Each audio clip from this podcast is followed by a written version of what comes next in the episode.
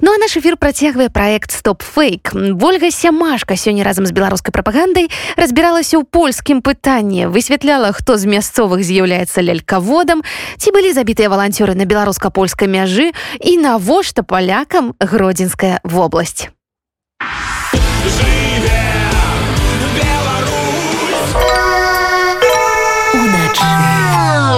днямі прэс-сакратар міністра каардынатара спецыяльных службаў польшчы станіслаў жарын у сваім твітары апублікаваў што ў 21 годзе рэзка ўзмацніліся антызаходнія тэзісы беларускай прапаганды адной з галоўных мэт стала польшча яго допіс тышыўся канкрэтнай публікацыі ў канкрэтным выданні а мы сёння паспрабавалі сабраць самыя папулярныя фэйкі якія афіцыйная беларуская прапаганда пашырае ў адносінах да польшчы адразу скажу што выбраць было складана бо вось ужо амаль два гады польша у беларускага рэжыму рэжыму вораг нумар адзін. І сваю альтэрнатыўную гісторыю і рэальнасць гэтай краіны прапанавалі бадай усе беларускія прапагандысты. Чуткі і домыслы транслюе і сам лукашенко. І часам мне падаецца што ён і ёсць той перша крыніцай адкуль нараджаецца. Красивое слово фейк Польшча хоча забраць гродзенскую вобласць разам з ёй і ўсю Беларусь. Гэтая тэма актыўна пачала мусіравацца падчас выбарчай кампаніі яшчэ летам два -го года. Лукашэнку на фоне акцыі пратэсту і мітынгаў апазіцыі патрэбны быў знешні вораг і ён знайшоў яго у асобе Польшчы і палякаў. Самае папулярнае абвінавачванне, якія тады гучалі пра тое, што Польшча ўжо падагнала вайсковую тэхніку да мяжы з Беларусю і вось-вось далучыць гродзеншчыну з жыхарамі, крамамі, мастамі і тэлеграф штрафом. Вы видите эти заявления о том, что Беларусь распадется, Гродненская область уже отойдет к Польше. Они уже в открытую об этом говорят, спят и видят. Ничего у них в этом плане не получится. Правда, на думку Лукашенко, поляки тут не сами проявляют инициативу. За ими стоять американцы.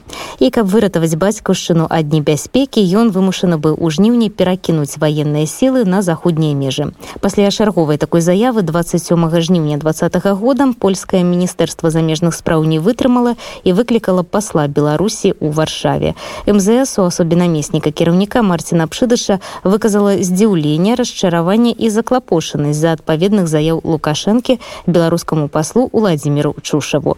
Але фантазію беларускай прапаганды было ўжо не спыніць і не стрымаць. По-новаму гэтая тэма загучала падчас міграцыйнага крызісу калі польша для абароны ад мігрантаў сцягнула да мяжы военныя сілы. У лістападзе у беларусі праходзіла нават спецыяльная нарада по военной бяспецы. Міністр обороны Віктор хрэнін тады заяўляў што фіксуецца абсалютна неадэкватная рэакцыя кіраўніцтва польшчы на мігрант мігрантаў 5 тысяч военнослужащих танки сродки супрацьпаветранай обороны и цяжкое узбраенне та военная активность которая развязана нашими соседями в непосредственной близости наших границ по силам средствам и масштабам никак не связана с міграцыйным крызісам. Ужо імігранцкі крызіс практычна скончыўся і афіцыйны мінск заняўся ваеннай прысутнасцю ў іншых месцах, але раптам тэму нападзення польскіх войскаў на Беларусь пачалі мусіраваць расійскія сродкі масавай інфармацыі. І менавіта ім былі прысвечаны нядаўнія твіты прэс-сакратара міністра каардынатара спецыяльных службаў станіслава жарына. Ён азначае, што ў 21 годзе рэзка ўзмацніліся антызаходнія тэзісы беларускай прапаганды, якая вяла наратыў ідэнтычны расійскім інфармацыйным атакам. У артыкуле на адным з расійскіх парталаў указваецца на ўзмацненне польшчай сілы размешчаных на мяжы з беларусю выказвалася меркаванне што гэта сведчыць пра падрыхтоўку да нападзення на Беларусь піша жарын і дадае што падобныя інсінуацыі пра польшу шмат месяцаў распаўсюджваюць беларускія прапаганда і чыноўнікі рэжыму лукашэнкі пастаянная антыпольская кампанія прыводзіць да стварэння вобразу польшчы якая нібыта варожая беларусі рыхтуецца да нападзення на яе і уяўляе пагрозу для беларусаў. Вобраз ворага рэжымам лукашэнкі выкарыстоўваецца для ўзмацнення рэпрэсій супраць саміх беларусаў разюмаваў жарын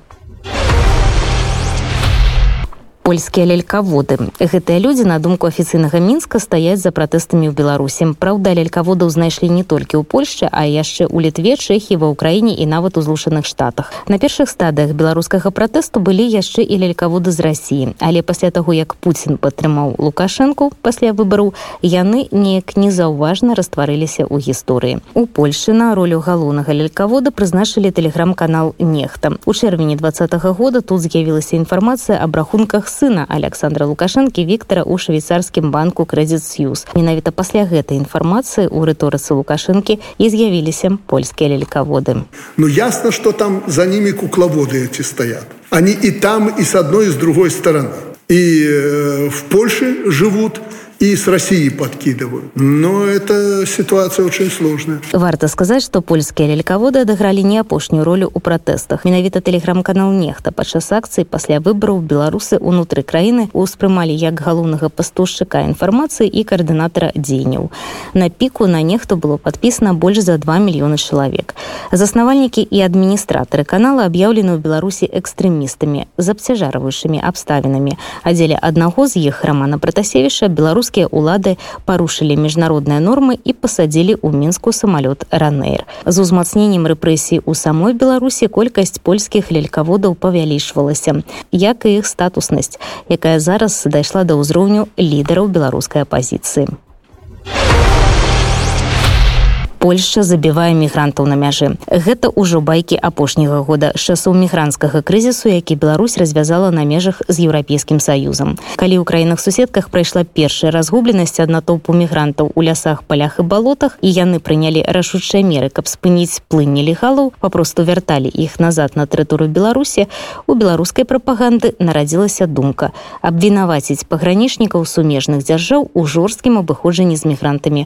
Ну а потым у парыве фантазі фантазіі яшчэ і ў забойствах. Асабліва разышліся пасля таго як палітычнага прытулку ў беларусі попрасіў польскі салдаты мельчэ які стаў неверагодным падарункам для беларускай прапаганды Когда нас привезли в первый раз на первом патрулировании где-то по дороге, мы были пьяные. Мы ловили какого-то одинокого человека.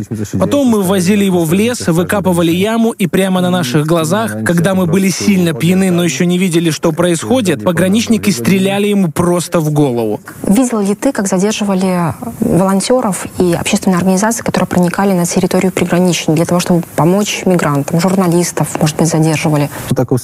Я был в такой ситуации, когда подъезжал какой-нибудь волонтер и начинал говорить, куда вы их ведете? а пограничник просто выстрелил ему в лоб. ему попросту в веб. Я правильно тебя понимаю, что они убивали в том числе и волонтеров? То, то есть ты такое видел? Не только беженцев, но это были и обычные поляки, которые хотели помочь беженцам? Я видел как минимум две такие ситуации. Две ситуации такие? Так. Да. То есть двух человек они убили? Так. Поляков, волонтеров? Так. На падставе гэтых расказаў Беларусь збіраецца ініцыраваць маштабнае міжнароднае расследаванне забойстваў сірыйскіх і іракскіх бежанцаў на тэрыторыі Польшчы, а таксама прымус польскіх вайскоўцаў да правядзення масавых расстрэлаў.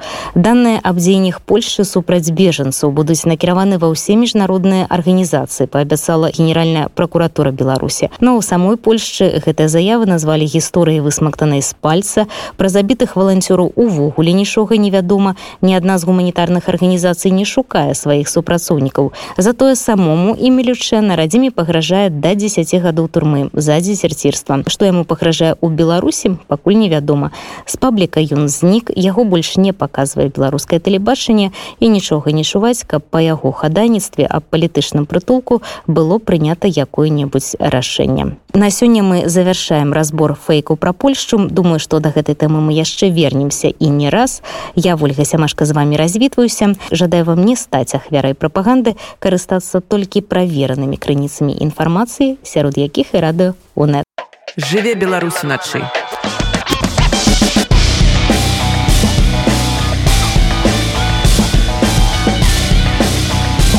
беларускія ноцы